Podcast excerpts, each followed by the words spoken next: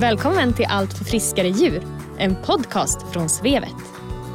Det här är podden för dig som jobbar inom djurens hälso och sjukvård.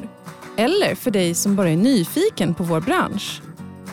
Vi strävar efter att varje avsnitt ska ge dig som lyssnar ny kunskap och inspiration. Jag heter Nathalie. Och jag heter Maria. Följ med oss när vi träffar spännande gäster från alla hörn och kanter av veterinärbranschen i Sverige. Tillsammans gör vi ju allt för friskare djur.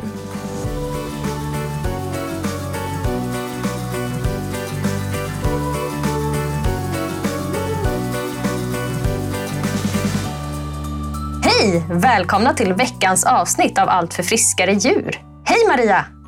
Hej! Hur är läget med dig? Det är jättebra med mig. Jag är väldigt glad att den här podden har fått så varmt mottagande. Ja, just det. Nu har det ju hunnit gå några avsnitt. Det här är ju som ni vet första säsongen och lite av ett pilotprojekt. Så om du som lyssnar vill ha en andra säsong också, så glöm inte att sprida och dela podden till alla du känner. Idag ska vi prata om tandhälsa hos häst. Vår gäst i dagens avsnitt heter Nina Lundgren. Hon är veterinär och hästodontolog och driver företaget Svenska Hästtandvården. Hej Nina! Välkommen till podden! Tackar, tackar. Härligt att vara här. Du är hästodontolog. Berätta, vad innebär det? Det innebär att jag är eh, specialinriktad på tänder och det är faktiskt det enda jag håller på med.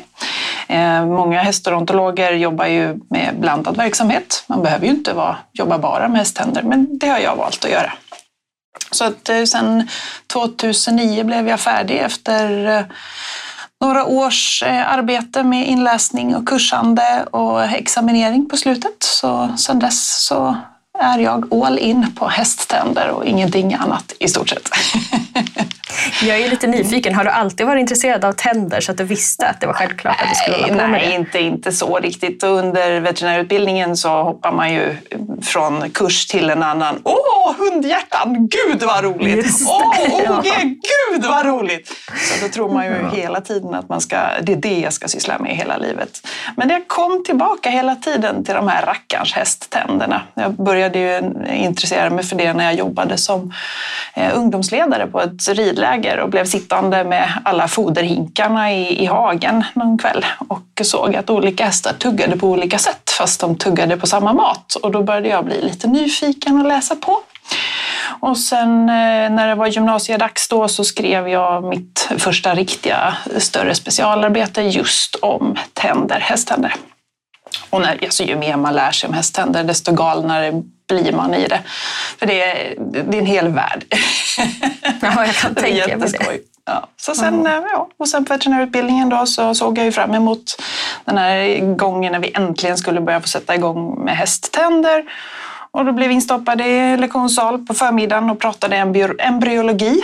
Och sen blev det plötsligt lunch och då blev vi chippade till K1 och delades in i par med varsin rasp och varsina två hästar som vi då skulle prova att raspa.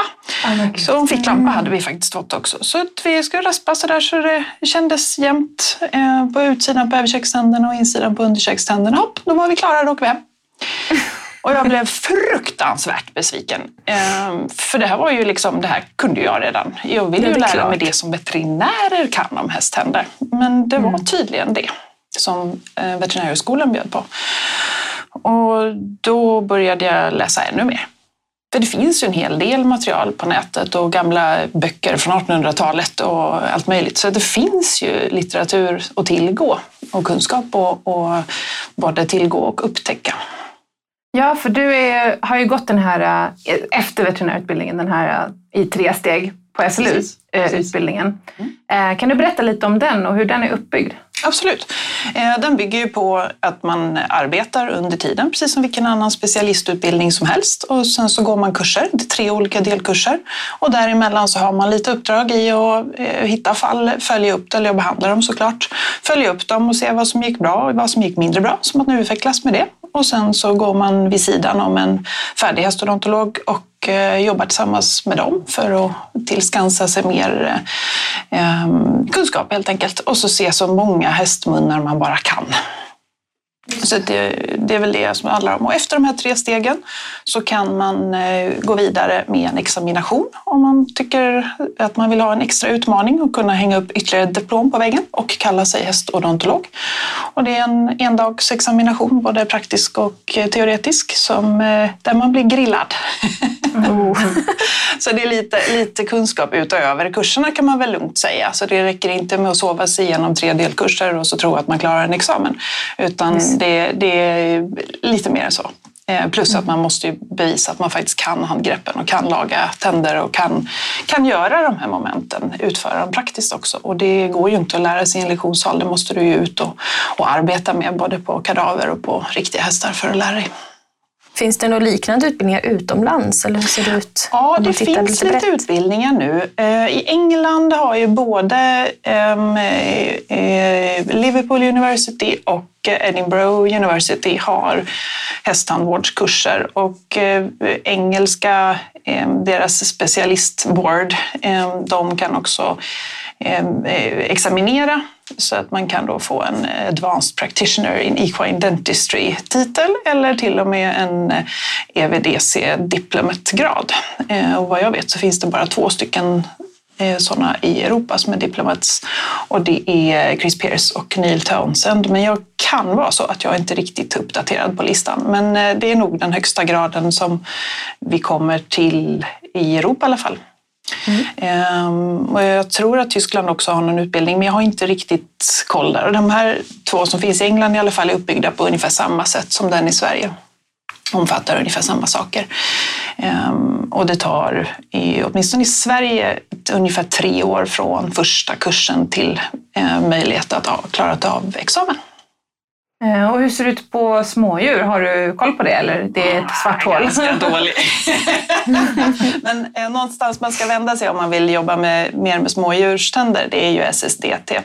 Eh, de, de har mycket kul och roliga konferenser. Jag har hakat på lite där också. Eh, och sen så naturligtvis Accessia i Halmstad. De har ju mm. kurser och utbildningar både där och på distans.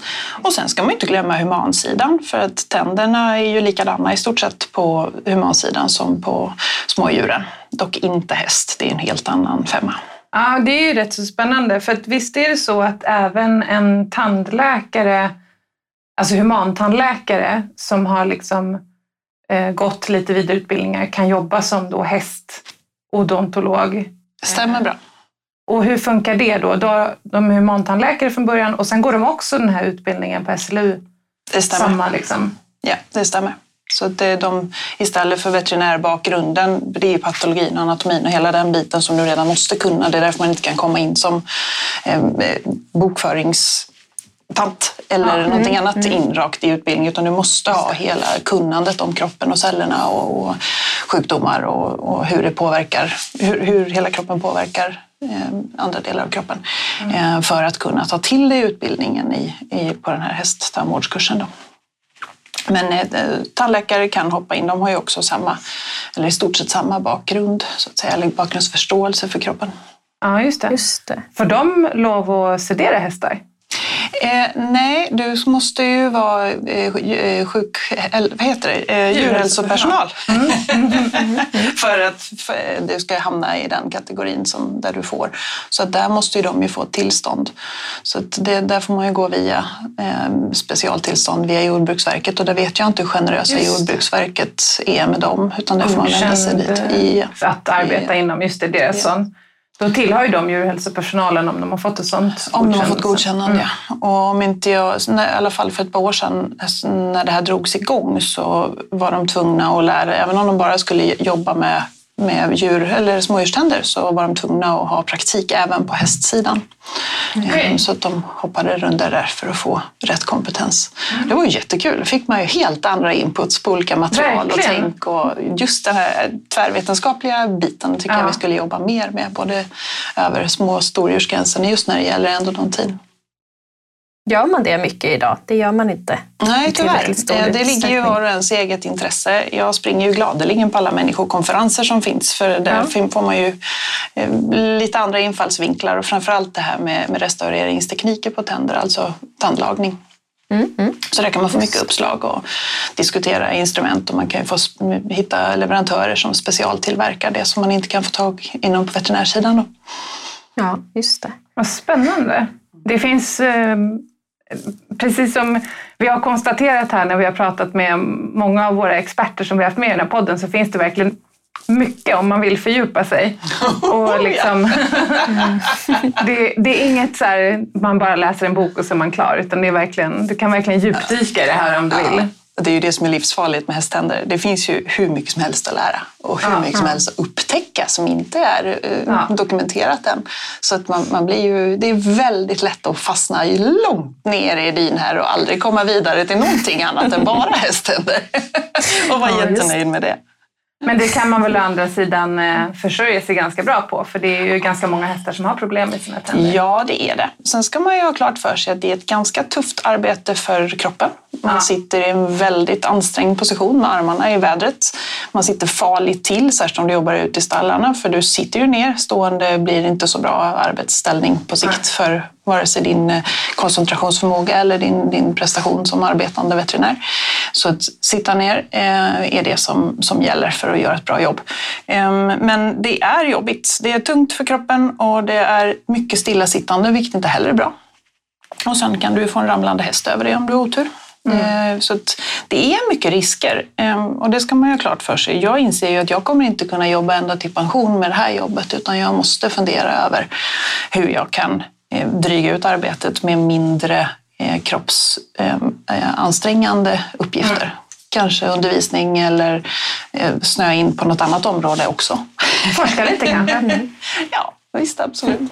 Absolut. Det verkar ju behövas forskas lite om hästtänder. Det, det, finns ju, det, ju, det finns mycket att göra men däremot så är det lite svårt med finansieringen av forskningsprojekten. Det, det, det mm. finns inte så mycket som läkemedelsbolagen kan tjäna pengar på här och då blir det ju bekymmer.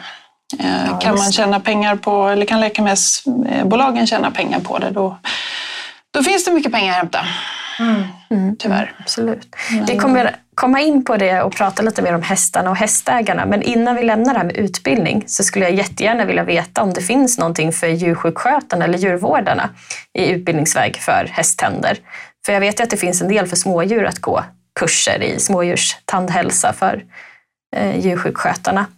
Hur ser ja, det ut där på kan man ju komma ganska långt på smådjur. Ja, man kan ju det. Mm. Men hur ser det ut på hästsidan? Vet du ehm, det är ju tyvärr så att i dagsläget så finns det ingenting som är inriktat mot djursjukvårdare. Ehm, men du kan ju alltid gå samma utbildning om du har möjlighet att komma in. Det är begränsat antal utbildningsplatser.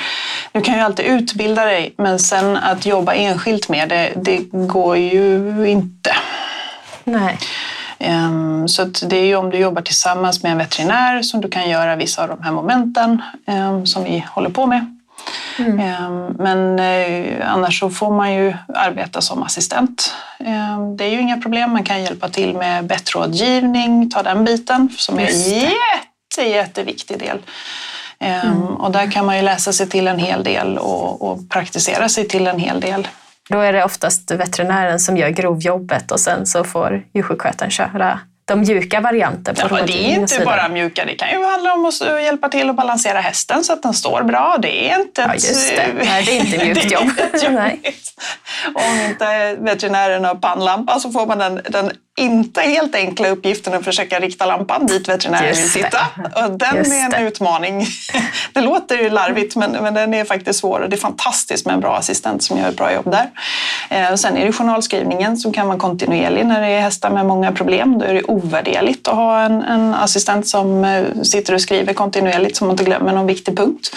Det går ju mm. alltid att, att köra röstmemo så att man kan lägga in all text efteråt men man tjänar ju enormt mycket tid om man har någon som kan hjälpa till med det och sen är det ju mellan varje patient så är det ju som vanligt att man behöver rengöra instrumenten och se till att få instrumentvård. Instrumenteringen för hästtandvård idag är ju ganska exklusiv. Så det, det är precis det är ju vanliga människotandläkarinstrument vi använder oss av till stor del mm. och de måste ju ha väldigt mycket kärlek för att överleva. Just det, verkligen. Det får man inte glömma. Har du någon djursjukskötare eller djurvårdare som jobbar med dig? Ingen stadig, nej.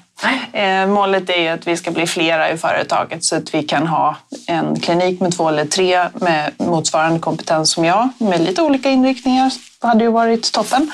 Eh, och sen ha en assistent som, eller till och med två assistenter som hjälper till att hoppa. Problemet med mig är att jag har, är ensamstående med två barn.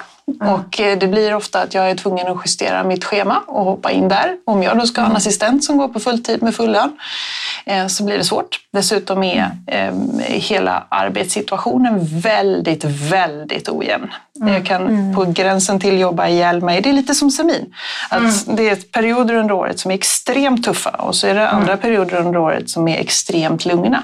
Ja, som januari till exempel är en total död månad och sen hela sommaren där man antingen har tävlingshästar eller har dem på bete. Mm. Och då är det ingen som är intresserad av tandvård. Men då får man passa på att ta semester. Ja. Men just det där gör att i och med att det är ett litet företag och ganska påfrestande fysiskt så får man följa kroppen och man får följa kundunderlaget på ett sätt som kanske inte alltid är attraktivt för en assistent. Ja, just det. det är svårt Sen, att, Jag tror ju att hästveterinärer är mycket mer vana vid att jobba själva också. Ja. Det känns ju så, de är inte så bortskämda med eh, assistans. Jag kommer ihåg när jag jobbade på distriktet och ibland följde med någon veterinär ut och jag la fram liksom grejer och dukade upp till dem och de var så här, Wow. Oh, tack så mycket! Men liksom, det förväntade jag mig inte ungefär. Ja. Alltså det, jag, det är väl också lite det att det finns ju ganska mycket, det finns väl mycket man kanske skulle behöva eller vilja ha hjälp med. Men när man kollar på vad som egentligen är görbart eller liksom ekonomiskt och sådär så kanske det är svårare. Men det är en helt annan sak om man, nu jobbar ju jag, jag har ju ingen egen klinik utan jag jobbar framförallt ambulatoriskt och sen är jag inhyrd av Evidensia i Ugglarp en dag i veckan mm. där jag tar då klinikfall och remissfall. Ehm, men de här, när man är på klinik då är det en helt annan grej. Där har mm. man verkligen nytta av en assistent för där är ju hela biten med mottagande av patienten mm. och se till att hästen kommer in på ett bra sätt och står lugnt och sen eh, få fram alla journaler, fixa med den biten och sen kan man ju även ha hjälp under som sagt hela undersökningen och sen eh, med sanering av utrustning mellan patienterna och eh, att då eh, assistenten kan gå in och hjälpa till med hela den här vettutprovningen. Jag kan ju snabbt briefa då vad det är som vad jag har sett för fynd och vad de kan utgå mm. ifrån. Och sen så kan ju de dra hela den harangen som kan bli ganska lång. Mm. Plus lämna ut alla eftervårdsråd, svara på alla de frågorna. Mm. Så att där kan, kan ju faktiskt en assistent göra ett jättebra jobb. Men mm. när jag är ute hos kund då har jag ju eh, en eller till och med ett gäng med folk mm. i form av hästägare i det stallet som mm. är superintresserade och är på plats hela tiden. Och då hinner jag ju dra hela den här harangen med grejer för första gänget vid första mm. hästen. Sen blir det ganska litet i de andra. För då har ju alla redan hört det här. För ofta så vill de gärna se alla munnar och det rekommenderar jag ofta, mm. ofta att de försöker vara med hela dagen om de kan. Mm. För det blir ju en utbildningsdag också när jag ja, är ute på plats. För jag är väldigt glad i att försöka berätta och lära ut och, och visa och, ja. så att de får en förståelse för hela problematiken som respektive häst har i munnen. Just det. Mm.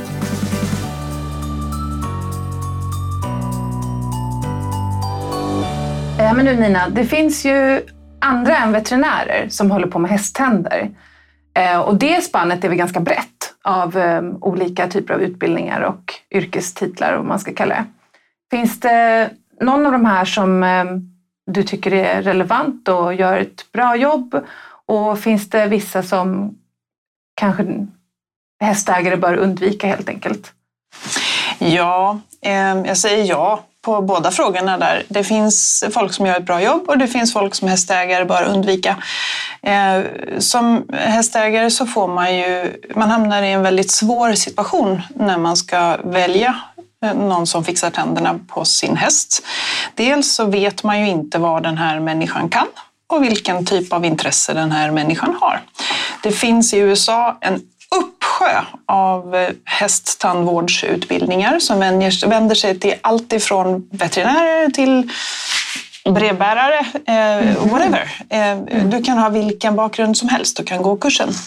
Den är alltifrån en helg till två år och det är naturligtvis enorm skillnad på de här. Problemet är ju att det inte finns någon gemensam eh, examinationsprocess eller kvalitetssäkring av de här utbildningarna, vilket gör att folk som går utbildningen och lägger massa pengar på den här utbildningen, de är ju övertygade om att de kan ju det här med hästtandvård när de åker därifrån. Och i USA mm. så är det väldigt mycket man lär sig att tala för sin sak, man lär sig att... Och, um, det är nästan mer fokus på personlighet och utövande av eh, auktoritet än ibland utövande av det du ska göra med hästmunnen.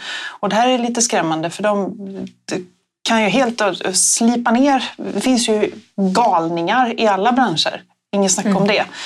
Ehm, men det finns utbildare som hävdar att man ska fortfarande eh, utöva vad man kallar för bit-seating eller eh, rostral profiling som det så fint heter. Det handlar om att man slipar ner första kindtänderna för att hästen inte ska kunna bita fast i bettet, vilket är ett ridbarhetsproblem för då går det ju inte att styra så bra. Mm. Och det här handlar alltså om att öppna hela, alltså du slipar bort så mycket du har lust med till tanden. Du öppnar inte pulpan, du orsakar pulpiter och till och med tanddöd. Och det, här, alltså det är fullkomligt obegripligt. Och sen så överraspar man tänderna, alltså raspar bort allting som är vasst eller buckligt. Ehm, och då pratar vi ändå om ett ganska sofistikerat system, malningssystem. Hästtänderna är ju både skärande och malande i ett. Och hästarna är beroende av att tänderna är vassa. Det ska inte vara massa utstickande saker som sticker in i tungan och ut i kinden och skadar hästen. Men det måste finnas massor med ojämnheter och skärpor i munnen för att tuggsystemet ska funka. Och det, det är ju självslipande. Visst, det blir ju vasst igen efter några månader, men under de här månaderna så mår inte hästen bra. Och det förkortar hästens liv. För tänderna mm. växer ju inte per definition genom hela livet utan de skjuts ju ut i samma hastighet som det avverkas eller förslits. Och det innebär att överraspar du så inte bara förstör du hästens möjlighet att tugga på ett bra sätt utan du, det kommer dessutom att orsaka eh, hästen en kortare livslängd. Det är inte så snällt vare sig mot hästen eller hästägaren. Så det, och det finns ingen vinst med det, inte överhuvudtaget. Mera liksom slår dig på bröstet för att säga kolla här vad jämnt och slätt och fint det blev nu. Nu behöver du inte ha vård på två år. Mm. Uh, what? säger jag.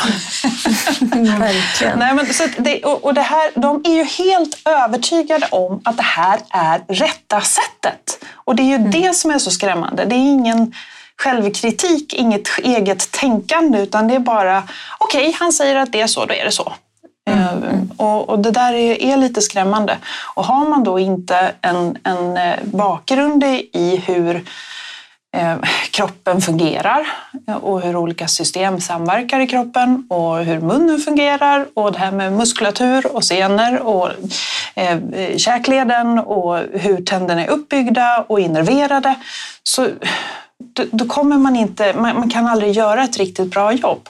Och sen ska man inte glömma heller att det här med vassa saker i munhålan i form av utstickande saker på tänderna, det är ju bara en bråkdel av alla de problem som uppstår i, i munhålan.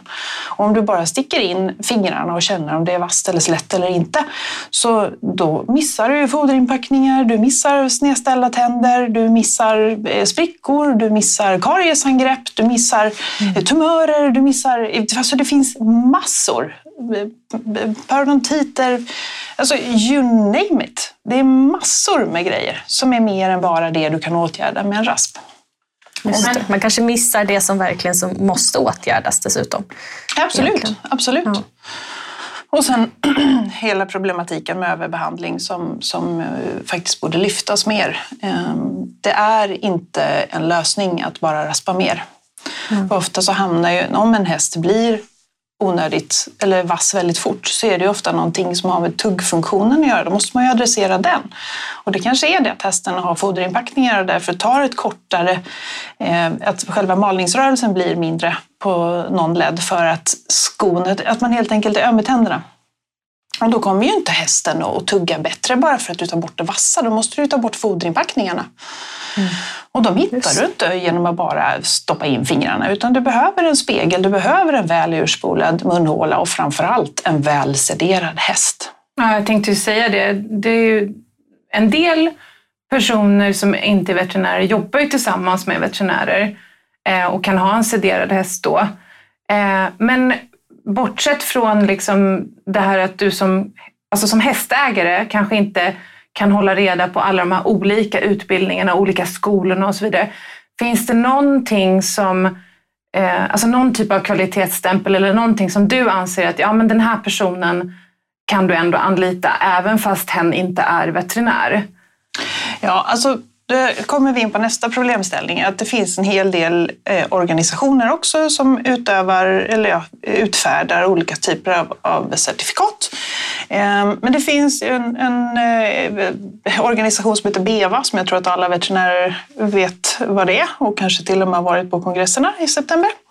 Ehm, och de har en ganska stor del för tänder och där kan även hästtandtekniker certifiera sig. Och det verkar som att den är ganska genomtänkt, den certifieringen. Det blir fortfarande inte en hästodontolog eller eh, advanced practitioner-stämpel, men det är i alla fall någon form av kontroll på hur du jobbar. Dessutom kan jag rekommendera att man går in på den eller hemsidan, Bevas hemsida och klickar sig fram till dentalsidan. För där finns det lite allt möjligt i materialväg eh, som man kan ha nytta av. Som till exempel förslag på hur man gör en bra munhåleundersökning som veterinär eller icke-veterinär. Ehm, och tandkort och lite allt möjligt. Så den eh, Bevas ah. hemsida. Bra tips. Bra tips där. Hästtandteknikerna har i England en egen organisation, BAEDT, som man också kan eh, titta om folk är certifierade inom. Eh, engelsmännen är ganska duktiga på det här med, med att certifiera till höger och vänster och har ganska bra kontroll, känns det som. Jag har inte grävt ner mig i det här. Men jag vet att i Sverige finns det en del hästtandtekniker som gör ett fantastiskt bra jobb och de ska vi hålla hårt i. I och med C15s genomslag, när var det? 2000, ja, 2000 2014, 14, 14 ja. Mm. Då rasade ju, eller rycktes ju mattan under fötterna från en hel del av de mindre seriösa praktikerna som då fick lägga ner. Och det var väl väldigt bra. Eller nej, förlåt, det var 2011. Det var 2014 som det var, då var då övergångsperioden var slut. Ah, ja. Okay. Mm. Ja. koll man har. ja, ja. Men i alla fall, den nya lagen gjorde ju att eh, mattan rycktes undan på mm. ett, från fötterna på de här som var lite mindre seriösa. Eh, medan de seriösa, kunniga faktiskt eh, klarade att överleva och blev kvar. Och vi behöver ju fler som är engagerade i det här med hästtänder. Och det finns ju vidareutbildningar både för eh, hästtandtekniker och för veterinärer som man kan ta till sig och, och gå, oavsett om man vill jobba heltid med det här eller inte. Mm. Och jag tycker att det, det, är viktigt att göra.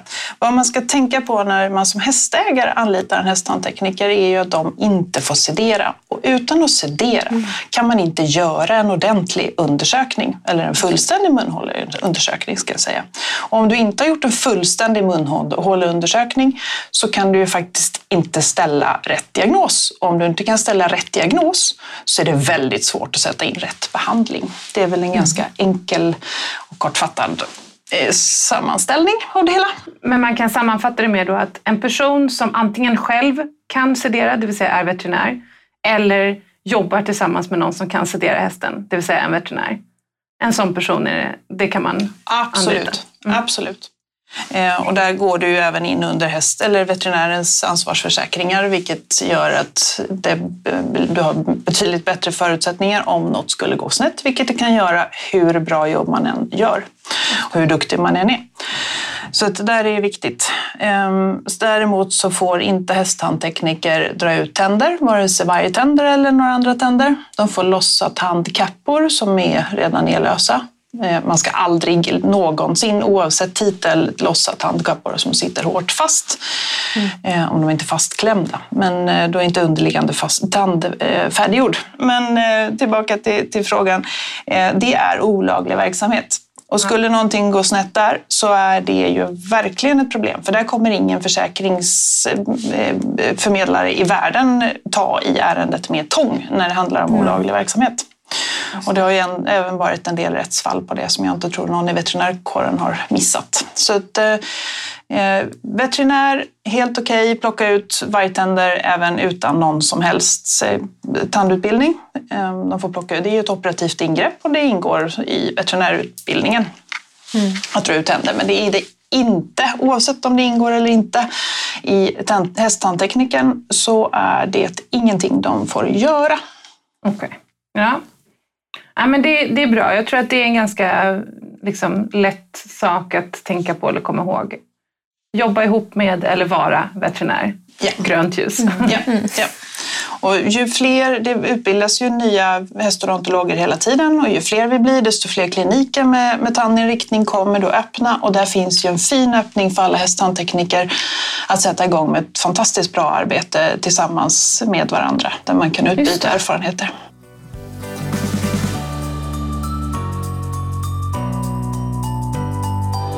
Nina, vi är lite nyfikna på det här om bett och trends. Hur mycket jobbar du med det? Jättemycket! Du gör det? Vi misstänkte nästan det. Det måste man göra när man håller på med tänder, för det är så, så, så centralt. Och de allra flesta skadorna som vi ser i munnen eller problematiken, det handlar faktiskt om att folk har valt fel bett eller använt det bettet på fel sätt. Så därför är det en jättestor bit. Har du några favoriter där bland bettet? Eller? Eh, ja, Ska man köra bettlöst? Eh, faktiskt en hel drös. Den som passar exakt den individen jag har framför mig. Ja, det är så. Mm. Precis som att jag kan, om du frågar mig, har du någon speciell eh, danssko som du vill, eller som du vill rekommendera? Mm. Eh, om den dansskon då sitter bra på min fot så är ju inte det samma sko som du ska ha. Är du med? Just det. Nej. Ja. För vi har eh, alla olika förutsättningar. Vi har olika rörelser i våra fötter, olika rörlighet, vi har olika anatomiska förutsättningar och vi dansar på olika sätt. Mm. Och precis likadant är det för hästarna. Där är det, det är olika discipliner. Det, det, kräver olika betsling. Det är olika ryttare i ekipaget, vilket håller handen på olika sätt och använder handen på olika sätt. Och då måste man alltså anpassa betslingen efter det. Vi har anatomiska avvikelser på hästarna. Det kan vara symmetriska gommar, höga gommar, låga gommar, stora tungor, smala tungor, eh, vassa laner, eh, rundade laner, kanintänder som sitter väldigt långt bak och därför kan komma i kontakt med bettet. Vi har vargtänder som man alltid ska plocka bort. Det finns ingen anledning att ha dem kvar. Det är så lätt att plocka bort dem och så knepigt att hitta problematik sen. Ehm, så det finns massor med avvikelser som man måste ta hänsyn till. Och många av de här kan man faktiskt hjälpa hästägaren med att identifiera ens utan att öppna munnen. Mm. Det är faktiskt bara att stoppa in tummarna, känna hur lanerna är formade. Är det extra slamhinna, slamhinna, slemhinna här mm. som kan komma i kläm mellan bett och första kindtand? Eh, hur är tungan formad? Hur killig eller kittlig är hästen i munnen? Behöver den ett extra stillaliggande bett eller är den helt död i munnen så den behöver någon som är lite mer rörlig för att komma ihåg att det finns ett bett där? Hur är gommen formad? Då får man vända på lilla handen och känna med pekfinger och långfinger. Hur är det kyrktak här eller är det garagetakets insida? Så det är klart att det finns ju massor att göra och kanintänderna ser du ju med ögonen bara du lyfter lite på läpparna. Så sådana saker kan man ju faktiskt hjälpa hästägaren att visa eh, bara utan att ens sedera, utan att ens göra en munhåleundersökning. Just det. Eh, men ur ett veterinärt perspektiv, om du måste vara kategorisk, eh, några absoluta dos and don'ts när det kommer till bett och bett bettlöst kanske, eller tränsning eller överhuvudtaget huvudlag? Eh, bettlöst är en hel diskussion för sig som jag älskar. Ja. Det kan vi fylla en hel podd med. Det kanske vi ska ha ett ja. eget avsnitt eh, någon Nej, men Absolut, eh, do and don't. Kolla alltid betslingen. Lär dig grunderna och hjälp hästägaren att hitta rätt. Det absolut vanligaste är för stora bett. Okay. Och eftersom vi sedan 90-talet har blivit matade med att tredelade bett är det snällaste bettet för alla individer, vilket är helt fel. Ehm, och dessutom att hästägarna är livrädda för att ha för korta bett för då kan de få skav i utsidan av mungiporna. Ehm, det är grunden till att väldigt många rider med för stora tredelade bett. Mm. Och det är nog den sämsta betslingen man kan ha om man tittar på skadeförebyggande val. Ehm, så för ett, ett tredelat bett som är för stort, det kommer att glida genom munnen vid tygeltag, vilket gör att ehm, leden eh, i, ja, till mittendelen kommer att hamna precis över lanen eller till och med i mungipan på hästen och nypa den där, vilket kommer att, att skada antingen eh, lanslemhinnan eller mungipan eller i värsta fall båda delarna. Och sen får man en svullnad i de här vävnaderna och så kommer det klämmas ännu mer nästa gång. Och så börjar hästen bli irriterad, börjar tugga på bettet, eh, lägga tungan över bettet. Resultatet blir då att eh, djurägaren hissar upp sidstyckena eller hissar upp bettet genom att korta sidstyckena. Vilket gör att vi inte får någon bra genomblödning i mungipan. Vilket dessutom gör att hästen inte lika lätt kan identifiera häst, eller ryttarens eftergift. Du tar ju en förhållning för att be hästen om någonting och en eftergift mm. för att hästen ska förstå att jaha, jag gjorde rätt. Men om du har en, en förhållning påslagen upp mot öronen i och med din, din, dina förkortade sidstycken så kommer ju hästen att uppfatta den här eftergiften du gör mycket mindre. Mm. Eftersom den liksom är halvt påslagen hela tiden. Lite som att den, man kör runt med handbromsen lite halvt mm. idragen. Och det, då får man ju ingen bra ax i bilen, ingen bra rull heller. Så att där får man jätteproblem med tryckskador i mungiporna också. Så för långa tredelade bett, katastrofi. Okej. Okay. Ja, men det, då kändes det ändå som att då kunde du vara lite kategorisk när det gäller ja. dem. ja, ja, men det är bra.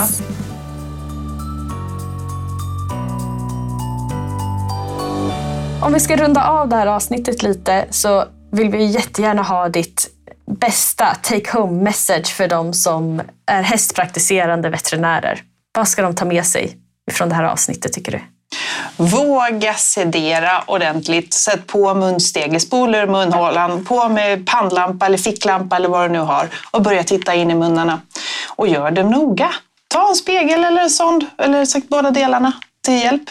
Titta in, lär dig se avvikelser och remittera om du känner dig osäker. Du kan ju remittera foton om du så vill. Jag ställer gärna upp. Oj, det där skulle jag nog inte ha sagt. men, men, det går ju alltid att skicka ett foto om man är tveksam. Har du tur så kan jag svara på en gång.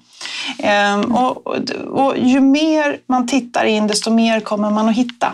För det finns problem där inne. Och eh, titta, om du har återkommande koliker eller återkommande eh, hältor fram, snälla kolla munnen. För det är kanske så att ditt problem ligger just där.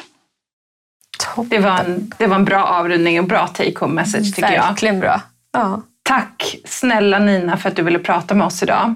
Tack själv. Eh, du hade lite böcker och hemsidor som du kunde rekommendera. Kan vi inte göra så att vi lägger ut dem i vårt Instagram och Facebook-inlägg om du skickar dem Absolut. till mig? Absolut. Så lägger vi ut dem när vi släpper det här avsnittet. Det är väl det allra enklaste. Ja. Tack snälla Nina, det var jätteintressant. Tack. Ja, hur mycket som helst jag skulle bara kunna fylla en hel säsong med. Men eh, om ja. det är någon som vill lyssna på mer om tänder så har jag rätt mycket tips och tricks att bjuda på. Ja, det var min nästa fråga. Om man skulle vilja komma i kontakt med dig, hur gör man då? Då går man in på hästtandvården eller .se, hästtandvården.se, på min hemsida. Där finns alla kontaktuppgifter. Det finns även på Facebook, även om jag är usel på att uppdatera den sidan.